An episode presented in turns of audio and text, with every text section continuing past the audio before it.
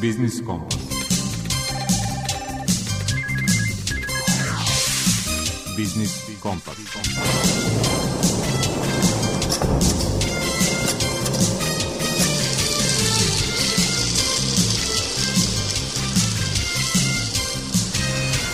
Pred mikrofonom je Đuro Vukelić. Dobar dan poštovani slušalci. Vreme je za Biznis Kompas i ekonomske teme koje će siguran sam zadržati vašu pažnju i narednih 50 minuta. Ukratko iz sadržaja.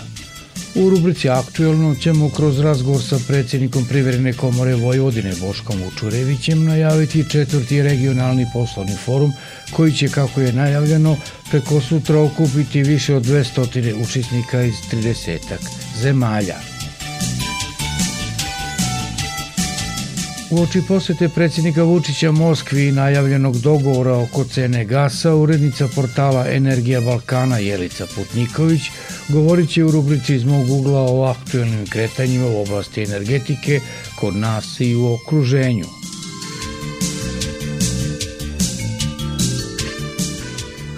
Gošća rubrike Svet preduzetništva je jedna od top 100 preduzetnica Evrope Dragana Đermanović podelit će svoje iskustvo uspešnog bavljenja preduzetništvom. Tema rubrike Predmet financije i izlaganja savjetnice u Centru za edukaciju Narodne banke Srbije Jelene Popović je kako poslati novac iz inostranstva. Najnovija dosetka trgovaca na prezentacijama zove se Renta Jastuk. Poručite jastuk za više hiljada dinara, plaćate ga godinu dana i na kraju otkupite za dinar. O tome u rubrici Potrošačka korpa prava govori pravni savjetnik u NOPS-u Mladen Alfirović.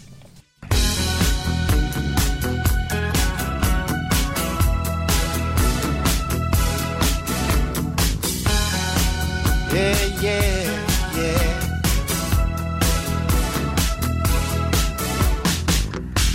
Believed in fairy tales and princes. He believed the voices coming from his stereo. He believed in rock and roll. She left her past and those lily white fences and headed out to Hollywood in search of her soul. But she had to pay the toll. Yes, she did. They were bound to find each other. He needed proof, she needed a brother. That's when stars collide. When there's space for what you want, and your heart is open wide.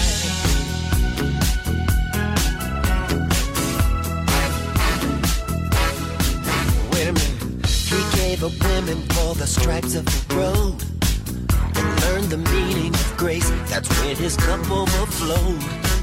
Hmm. And she said, He said, My faith keep me from willing, but you know that I'm able.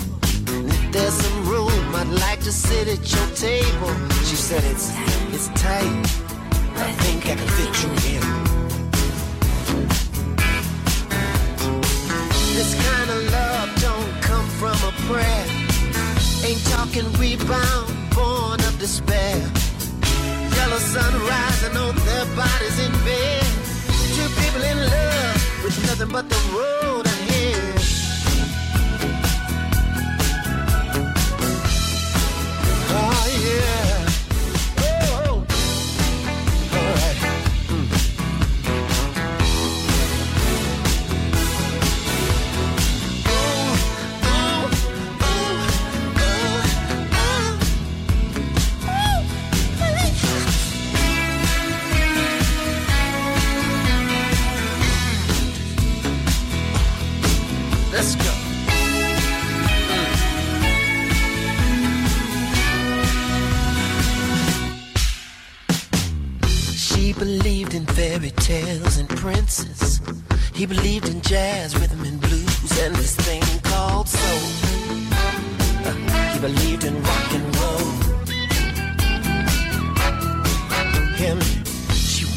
see her name appear on the big screen. He just wanted to hear her scream his name. Can you scream my name? Do you know what I mean? This kind of love don't come from a prayer. Ain't talking rebound, born of despair. Yellow sunrise,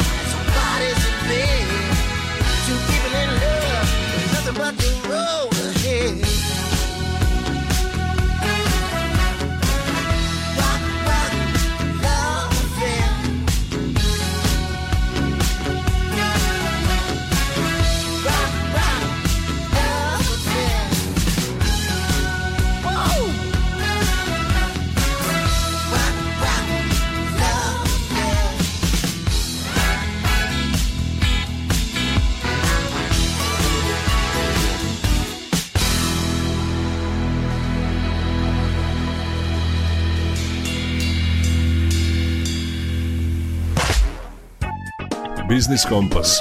Aktuelno. Privredna komora Vojvodine biće domaćin četvrtog regionalnog poslovnog foruma koji preko sutra organizuju autonomna pokrajina Vojvodina i Skupština evropskih regija. Uz učešće više od 200 kompanija i poslovnih udruženja iz 30 zemalja, između ostalog biće predstavljeni privredni potencijali regiona iz Austrije, Francuske, Norveške, Irske i Kine – predsjednika Privredne komore Vojvodine Boška Vučurevića pitali smo šta ovaj poslovni forum razlikuje od sličnih skupova. Kao što ste rekli, 25. ovog meseca će se održati veliki regionalni biznis forum na kome će uzeti učešće, bar za sada, preko 200 kompanija, razvojnih agencija, privrednih komora. Tako da mi smatramo da je taj broj multiplikovan zato što na privredne komore i razvojne agencije zastupaju po nekoliko desetina hiljada kompanija. Znači neće biti samo kompanijski, nego i institucije sa tri kontinenta za sada, evropskih, azijskih i afričkih, Tako da tu je ta razlika zato što broj prijavljenih učesnika ne pokazuje broj učesnika iz tog razloga što iza mnogih regiona stoje institucije koje predstavljaju veliki broj kompanija. Šta će konkretno Vojvodina i Privredna komora i naši privrednici predstaviti svetu, slobodno možemo tako da kažemo. Privredna komora Vojvodine zajedno sa ostalim uh, učesnicima u pripremi ovoga četvrtog regionalnog biznis foruma će se predstaviti u četiri oblasti privrede, a to je poljoprivreda, prehrambena industrija, IT industrija i metalska industrija. Htio bih da kažem da je ovaj biznis forum u stvari za njega stoji i podrška apsolutna i iza toga u organizacijnom stoji i a, Skupština asocijacije evropskih regija. I pošto su Skupština je prepoznala koliko je značajan ovaj naš regionalni biznis forum, da će na otvaranju našeg foruma ovde kod nas u Komori 25. biti gospodin Magnus Bengstone koji je predsednik Skupština asocijacije evropskih regija koji će otvoriti ovaj naš forum zajedno sa našim predsednikom Skupština autonomne pokrene Vojvodine gospodinom Pastorom a online će nam se obratiti i gospodin Oliver Varhelji koji će takođe isto u tom da kažem plenarnom delu se obratiti svim gledocima preko YouTube-a a i prisutnima, tako da i Evropska unija i asocijacija evropskih regija su prepoznali koliko je ovaj forum značajan i to je prema mojim informacijama jedan od najvećih događaja i u samoj asocijaciji evropskih regija, tako da je vrlo specifičan, prilično masovan i mi očekujemo kroz tako jedan kvalitetan i dobar ambijent da će se mnogobrojne kompanije umrežiti, da će mnogobrojne kompanije održati B2B razgovore i da normalno da od samo iz tako kvalitetne organizacije mogu da budu i dobri rezultati. Ono što je zanimljivo je to da je platforma B2B biće otvorena od dana otvaranja, dakle 25. novembra pa sve do 10. decembra. Na koji način mogu i mogu li još uvijek da pristupe platformi i da se priključe i kompanije iz Vojvodine i Srbije? Apsolutno kompanije mogu da se priključe, odnosno da se prijave sve do večeras, tako da obično je uvek prijavljivanje i najmasovnije prijavljivanje bude nekoliko poslednjih dana, zato što kada kroz medije kompanije saznaju, uvide da je to od izuzetnog značaja i da može da bude za svaku kompaniju veoma značajno. Takav jedan forum, očekujemo da će se prijaviti značajan broj kompanija, da na toj platformi ona je poznata, ona je objavljena na, i u medijima, takođe i na našem sajtu, tako da se vrlo lako prijavljuje. Ono što je specifično za, za ovu platformu, za ovu godinu je to da se neće istog dana morati da se održe svi ti B2B razgovori, nego ta platforma će biti otvorena naredne tri nedelje, da je jedan relaksiran pristup mnogim kompanijama i mi očekujemo baš iz tog razloga da će mnogo više B2B razgovora biti održano nego ranijih godina zato što smo im dali jedan period koji je ispred nas, a to su gotovo tri nedelje.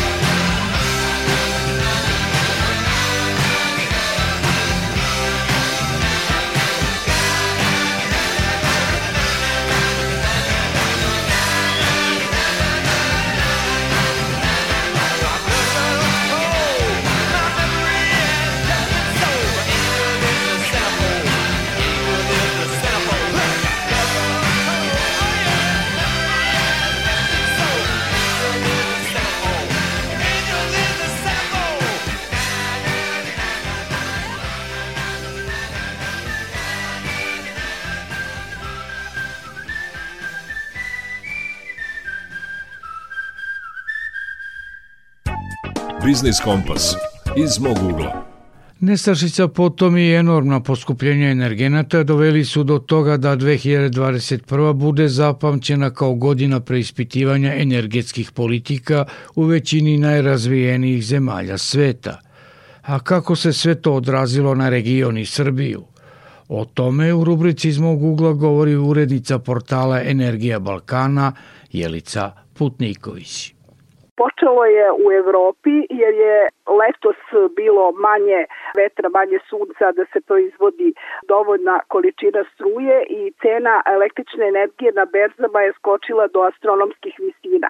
Treba reći zašto nije bilo dovoljno obnovljivih izvora, zapravo radi se o tome da vetar nije duvao dovoljno, da su elementarne nepogode koje su pogodile zapadnoevropske zemlje uništile priličan broj fotonaponskih panela, smanjena je znači proizvodnja zelene energije i došli smo u situaciju da je cena na berzama jednostavno povukla i sklapanje novih ugovora za dugoročne aranžmane po pitanju snabdevanja električnom energijom velike zemlje, znači Nemačka i Francuska koje a, imaju energetske politike koje su, moglo bi se reći, dugoročne i koje diktiraju ono šta Evropa hoće a, u sektoru elektroenergetike, suočene su sa poskupljenjem struje, donose neke mere kako da pomognu svojim potrošačima. Francuska je, na primer, najavila da će pomoći građanima sa a, nekim iznosima da im smanji trošak, to je da im omogući lakše plaćanje računa. Sve se to naravno prelilo i na ove naše balkanske zemlje, na Srbiju na Srbiju ne toliko jer imamo svoje izvore energije i završava se ovih dana revitalizacija Tenta B koji će zapravo sada imati produžen radni vek za još 30 godina. Treba reći da Srbija povremeno mora da uveze određene količine struje, ali takođe i izbuzi, tako da smo mi po tom pitanju imamo sada obezbeđenu energetsku, da kažem, sigurnost snabdevanja, što na primer neke zemlje u Evropi Evropi nemaju. Imamo Albaniju, imamo Severnu Makedoniju koja je u jako velikim problemima sa električnom energijom i na primjer Makedonci su povlačili struju iz sistema, to će morati da plate. Neke procene su da će ih ova energetska kriza, oni su proglasili 30 dana energetske krize, koštati 250 miliona evra. Nekako je rasnabdevanje električnom energijom uticao i skok cene prirodnog gasa na berzama u Evropi. Uljuljkani prošlom zimom kada je gas bio jeftiniji, evropljani jednostavno nisu punili skladišta, i prosto ih je zatekao bum privrede jer posle korone, to jest u vreme korone su morali da upale ipak da aktiviraju svoju privredu, da počnu da proizvode da bi podmirile sve one troškove koje imaju u lečenju građana. I znači zatekla ih je situacija da nisu imali jednostavno dalekoviti pogled na to da će trebati više gasa i došlo se do toga da je u oči same zime cena na berzama prirodnog gasa poskupela čak do 2000 dolara za 1000 kubnih metara. To je neki 5-6 puta više nego neke uobičajene cene koje su bile na berzi, a naravno kao na svakoj berzi, pored onih koji kupuju zarad toga što im neki energent treba, tu su se našle i kompanije finansijske, neki hedge fondovi koji hoće da zarade, što je naravno legitimno i oni su malo doprineli tom prividnom povećanju potražnje za gasom, jer treba reći da ne kupuju veliki potrošači neke ogromne količine na berzama gasa, zapravo većina sklapa neke međusobne ugovore, znači prodavac, kupac i prave aranžmane bilateralne o dogovarajući cene i e, uslove isporuke. I ono što je zanimljivo, treba reći da se sad e, puno gasa troši i u termoelektranama koje proizvode električnu energiju e, na gas, koje su inače sad ponovo na neki način e, aktivirane kao i termoelektrane na ugalj. Nemci su, na primer, upalili svoje konzervirane termoelektrane na ugalj da spreče nestašicu električne energije.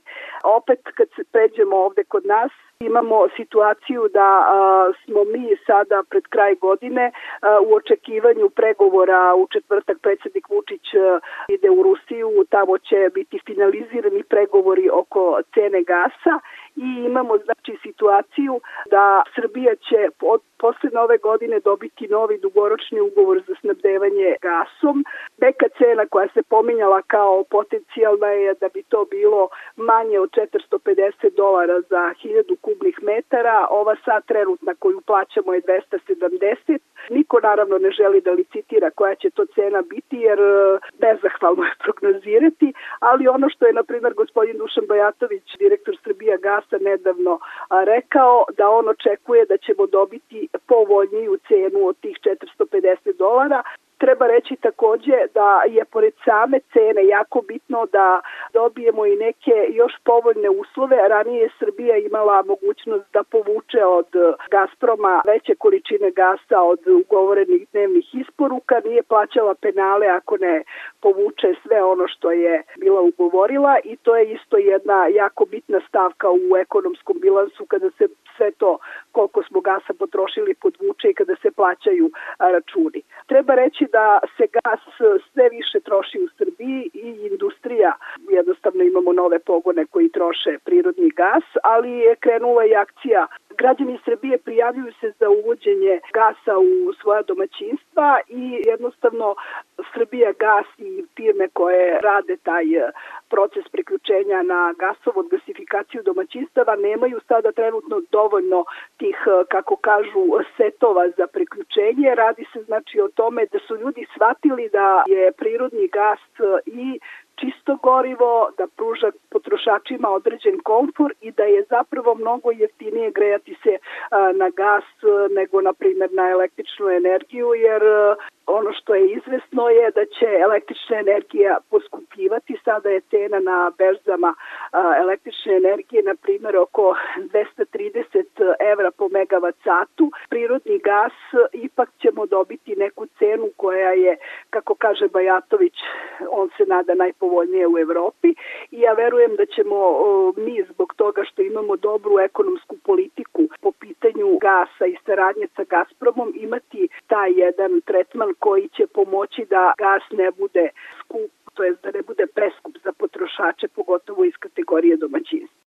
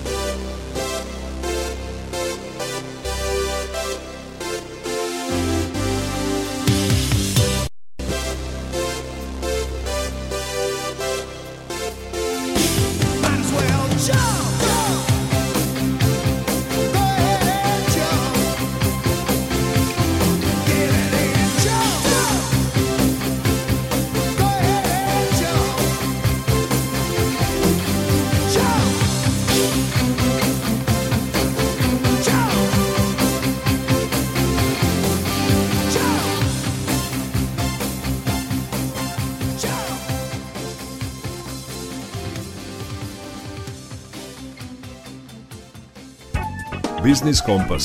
Svet preduzetništva. U današnjoj rubrici Svet preduzetništva ugostili smo Draganu Đermanović, jednu od top 100 preduzetnica Evrope i pitali je šta uspešne preduzetnike deli od onih koji baš i ne uspevaju da se ostvare u poslu. Što se tiče preduzetništva, stvar je vrlo jasna. Ja stvarno verujem da je svako od nas pozvan da bude preduzetnik i nažalost mnogi koji se bave čak i privatnim biznisom to nisu. Preduzetništvo je više jedan stil života u kojem preduzimamo nešto u vezi sa stvarima koje nam smetaju gde popravljamo, gde menjamo, stvaramo i kreiramo i biti u privatnom biznisu preduzetnik nije mnogo drugačiji nego biti na primjer, učiteljica koja ima inicijativu i menja stvari u nekom svom, da kažem, mikrokosmosu. I onda je i prvi, da kažem, recept uspeha upravo taj da moramo sagledavati sve prilike u poslu, posebno u teškim vremenima, kao prilike za rešenja i, rešavanje nekih problema, da imamo inicijativu i da pokušavamo da vidimo upravo prilike, a ne probleme. E, probleme imamo, imali smo, naši preduzetnici su decenijama pokazivali da uprko s tim preprekama možemo nešto da napravimo, tako da bih svakako rekla da je prva, da kažem, tajna upravo stav. Stav u kojem se ne predajemo i pronalazimo rešenja. Ali to nije kraj. Većina preduzetnika, posebno u našoj zemlji, pati od nekoliko ozbiljnih problema, mimo regulative i izazova malog tržišta, što su sve problemi sami za sebe. Mi imamo brojne interne probleme koje nekako guramo po tepih jer mislimo da ih svi imaju i da za njih ne postoje adekvatna rešenja. A ti interni problemi se uglavnom tiču toga da ne mi sami u svojim firmama nemamo sasvim jasne ciljeve, da s druge strane naši zaposleni svako radi na svoju ruku i na svoju stranu, pa smo onda kao preduzetnici frustrirani jer nema rezultata kakve smo želeli, jer niko u firmi ne radi koliko može ili koliko mi radimo. I treća stvar na koju nilazimo je problem u komunikaciji sa preduzetnicima koji su vlasnici firme, svi hoće da pričaju, svi hoće da rade sa glavnom osobom, sa njom da pregovaraju. I tu zaista pregorevamo. U firmama u kojima mi nemamo mogućnost da angažujemo sve naše ljude adekvatno, jer ne znaju tačno šta im je zadatak, kako da ga ili ih jednostavno baš briga. Sve vreme razmišljaju o tome ko smo mi i koliko imamo njihove neke nesposobnosti ili nepreuzimanje odgovornosti da donesu odluku i tog velikog pritiska na preduzetnike da sve sami moraju i interno i eksterno to su stvari koje nas vuku od tog puta uspeha, čak i kad imamo mindset preduzetnika, odnosno osobe koje nešto, nešto menja. Još jedna stvar koju sam primetila posebno u poslednjih godinu ili dve su takozvane bolesti zavisnosti u preduzetništvu, ja ih tako nazivam a zapravo tu mislim na našu zavisnost od pojedinih zaposlenih. To ćete često primetiti i mislim da je to jedna ozbiljna bolest za preduzetništvo jer se oslanjamo na pojedince po imenu i prezimenu, a ne na funkcije.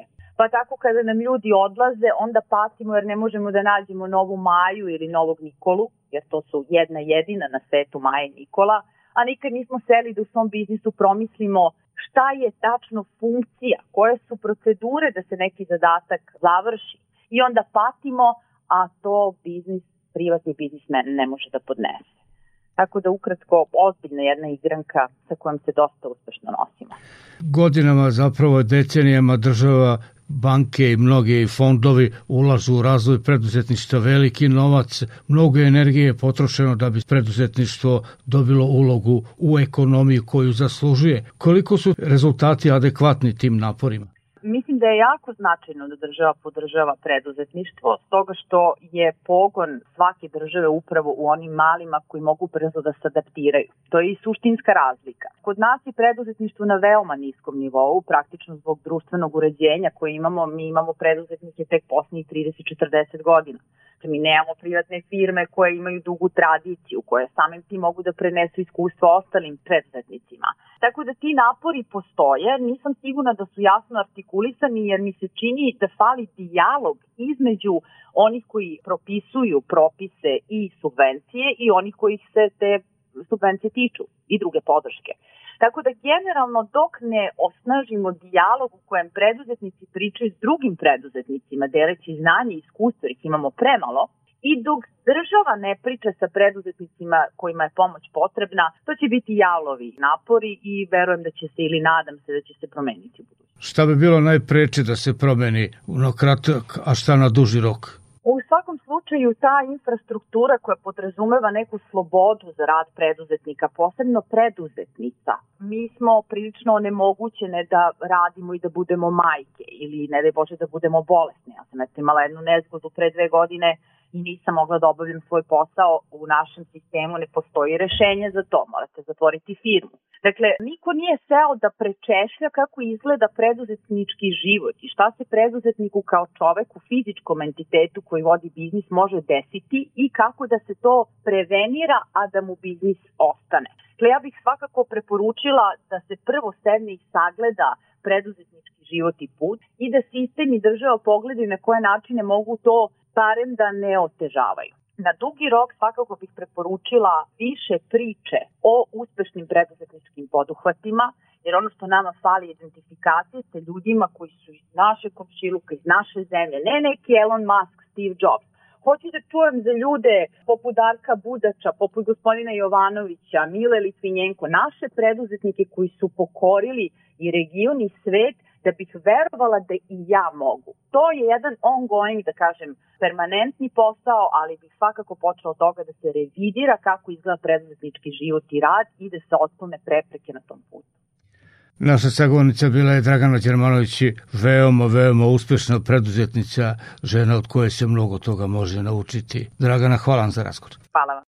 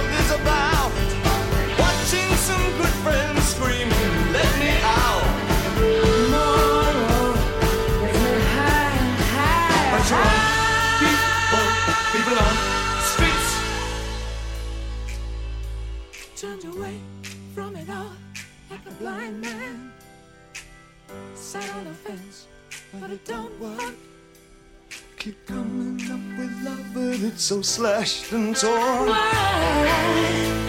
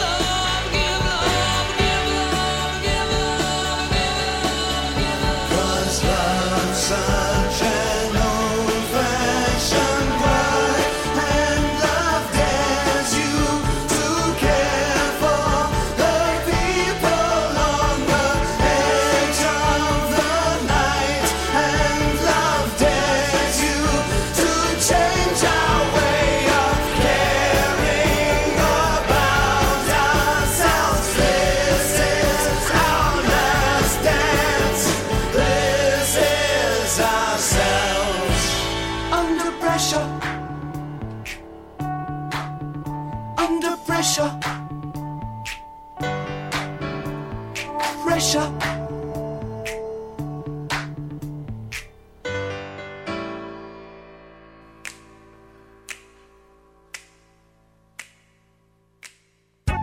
biznis kompas predmet financije Tema rubrike Predmet financije i izlaganja savjetnice u Centru za zaštitu korisnika finansijskih usluga u Narodnoj banci Srbije Jelene Popović je uplata novca iz inostranstva. Postoji nekoliko načina da se izvrši prenos novca u međunarodnom platnom prometu. Za to se najčešće koristi inod oznaka putem tehnologije koja se zove SWIFT ili neki od elektronskih servisa za prenos novčanih doznaka kao što je Western Union, MoneyGram i tako dalje. Ako se građani opredele da novac prenesu korišćenjem usluga i na doznaka putem Swifta, neophodno je da primalac od svoje banke dobije takozvane instrukcije za uplatu, koje sadrže ime i prezime primalca, broj njegovog bankovnog računa, takozvani IBAN, ili neku drugu jedinstvenu identifikacionu oznaku, međunarodnu oznaku pod kojom je banka poznata u svetu, takozvane SWIFT ili BIC kod. Korespondentsku banku ili više njih, korespondentska banka je banka s kojom je banka korisnika platnih usluga uspostavila korespondentski odnos i preko koje se može poslovati sa inostranstvom. Dakle, redko kad banka iz jedne zemlje sarađuje sa, direktno sa bankom u drugoj zemlji, uvek između postoji korespondentska banka. Po pribavljanju svih navedenih podataka iz instrukcije za uplatu, primalac ih dostavlja pošiljaocu, koji zatim odlazi u banku po izboru u zemlju koja se nalazi i vrši uplatu. Građani koji se opredele za korišćenje ove usluge trebalo bi da vode računa o sledećim stvarima. Prvo, o broju banaka u lancu od pošiljaoca do primalca, što se naravno kao informacija može saznati od poslovne banke, jer svaka od njih naplaćuje proviziju. Idealno je da ne postoji više korespondentskih banaka, to jest da domaća banka ima otvoren račun u banci pošiljoca, što je u praksi, kao što sam već rekla, redak slučaj, a zatim proveriti da li je korespondentska banka banke primaoca ista kao i banke pošiljaoca. Primer, ukoliko želite da uplatite školarinu za studije svog deteta u Nemačkoj i fakultet vam pošalje instrukcije za plaćanje preko banke kod koje taj fakultet ima račun u Nemačkoj i eventualno podatke o njenoj korespondentskoj banci. U tom slučaju je najbolje uplatu izvršiti preko domaće banke koja je korespondentska banka ista kao i kod banke primaoca. Drugo, troškovi prenosa novca u inostranstvo mogu biti plaćeni na nekoliko načina. Prvi način je da troškove nosi pošiljalac, druga da troškove dele, nosi i pošiljalac i primalac i treća da sve troškove snosi primalac sredstava. Savetujemo vam da se pre nego što se odlučite da pošaljete novac u inostranstvo, detaljno informišete o mogućnostima i troškovima slanja novca i odaberete onaj način i onu finansijsku instituciju čije usluge odgovaraju vašim potrebama. Za vašu informaciju na sajtu Narodne banke Srbije mogu se pronaći primeri slanja i primanja novca banaka za primere od 100, 200 i 1000 evra u zemljama gde naravno ima najviše srpske dijaspore, to je naravno informativnog karaktera, a za sve detaljne informacije u vezi sa troškovima građani se moraju raspitati kod e, svojih banaka. S druge strane, korišćenje usluga Western Union, MoneyGram i tako dalje i sličnih organizacija preko kojih je moguće vršiti transfer novca u kratkom roku, preko zastupnika ovih kompanija koje su raširene u velikom broju zemalja i teritorija širom sveta, je dostupno i u našoj zemlji, s tim što građani treba da budu upoznati sa troškovima koje ove organizacije nude, odnosno koje naplaćuju za uslugu slanja, odnosno prijema novca u, i iz inostranstva. Prilikom slanja novca putem usluga Western Uniona ili MoneyGram ili tako dalje, potrebno je da pošiljilac novca pokaže važeći lični dokument, navede ime i prezime primaoca u zemlju koju šalje novac i plati naknadu za transfer. Građani bi trebalo da imaju u vidu da je provizija različita u zavisnosti od visine iznosa novca koji, koji se šalje i u zavisnosti od zemlje, naravno. Detaljne informacije o načinu slanja novca i visini provizije koju plaća na uplatno mesto pošiljalac novca može dobiti od zastupnika preko kojeg vrši slanje novca. Takođe, jedan od načina prenosa novca je međunarodnom poštanskom uplatnicom, pored dakle navedenih prenosa, načina prenosa novca, građani mogu koristiti usluge pošte za prijem novca iz inostranstva, odnosno slanja. Za prenos novca putem međunarodne poštanske uputnice nije potreban otvoren račun u banci. Prilikom slanja novca putem međunarodne poštanske uputnice potrebno je da pošiljilac novca pokaže važeći lični dokument. navede ime i prezime primaoca i zemlju u koju šalje novac i naravno plati naknadu za transfer. Sve detaljne informacije o načinu slanja novca i visini provizije koju plaća na uplatnom mestu pošiljilac može dobiti u pošti koja obavlja poslove prenosa.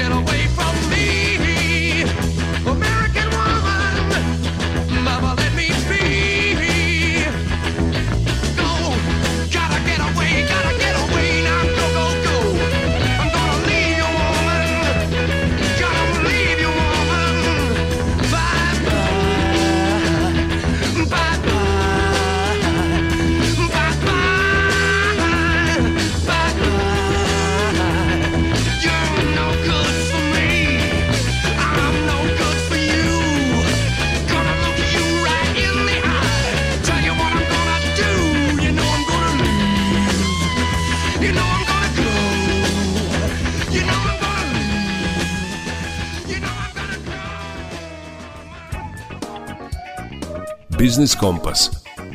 Potrošačka korpa prava. Najnovija dosetka trgovaca na prezentacijama zove se Renta Jastuk. Poručite jastuk za više hiljada dinara, plaćate ga godinu dana i na kraju otkupite za dinar. To što ste umjesto da kupite, zakupili, na primjer, jastuk, nije i nezakonito i potrošačke organizacije su nemoćne – objašnjava u rubrici Potrošačka korpa prava pravni savjetnik u NOPS-u Mladen Alfirović. Prošle nedelje je prostorije udruženja posetilo nekoliko naših starijih sugrađana koji su imali problem sa robom koju su kupili na, na prezentaciji i želeli su da, da je vrate, međutim nisu mogli da, da ostvare to svoje pravo. Uglavnom su se žalili da imaju neke zdravstvene tegobe i da im ta roba nije potrebna u većini slučajeva se radilo o nekakvim jastucima koji su kupljeni i ti potrošači nisu mo mogli da stupe u kontakt sa trgovcem, nisu znali kako to da vrate, kako da im bude vraćen novac i mi smo zahtjevali da nam oni donesu dokumentaciju kako bi mogli bliže da se upoznamo sa cijelim tim slučajem. Potrošači su postupili po našim navodima, u roku od dva dana su nam e, dostavili sve papire koje imaju i on, ono što smo mi očili delo je baš zanimljivo, zapravo ne, ne radi se o klasičnoj kupoprodaji, dakle oni nisu kupili robu, nego su zaključili ugovor o zakupu. To je nešto sa čim smo se prvi put suočili u dosadašnjoj praksi da neko e, zapravo zakupljuje jastuk. Da, dobro ste čuli, reč je ugovoru o zakupu jastuka. Cena je neka nerealna, nekoliko desetina hiljada dinara, sad da se radi o običnom jastuku ili jastuku koji ima sad neke dodatne funkcije, u to nismo mnogo zalazili, nego nam je bilo posebno zanimljivo što se radi ugovor o zakupu. I samim tim potrošač se obavezuje da tu robu isplaća zakup e, u nekom periodu, najčešće je reč o periodu od godinu dana i tek kad isplati poslednju ratu on taj proizvod može da otkupi za jedan dinar i da taj proizvod uh, bude njegova svojina i da dalje s njim može da raspolaže u smislu da ga prodaje ili da radi s njim šta hoće.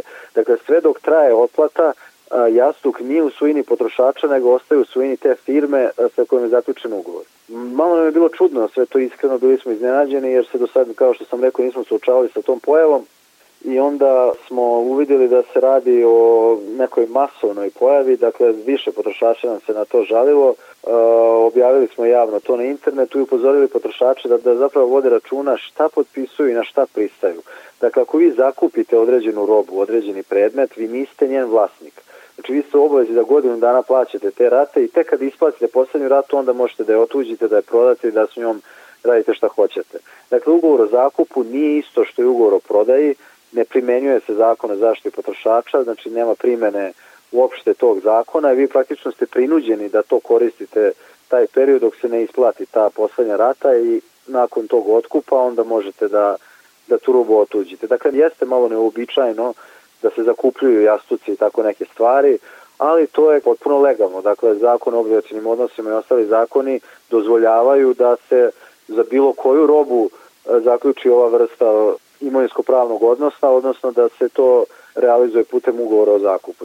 Tako da je generalno apel potrošačima da e, vode računa i kakve ugovore potpisuju i e, šta je tu predviđeno, dakle da dobro pročitaju ugovor pre nego što ga potpišu, da dobro razmisle i ukoliko imaju bilo kakvu nedoumicu mogu kontaktirati našu organizaciju da se informišu o svojim pravima i onom što ih čeka kad pristanu na određene odredbe koje su predviđene tim ugovorima.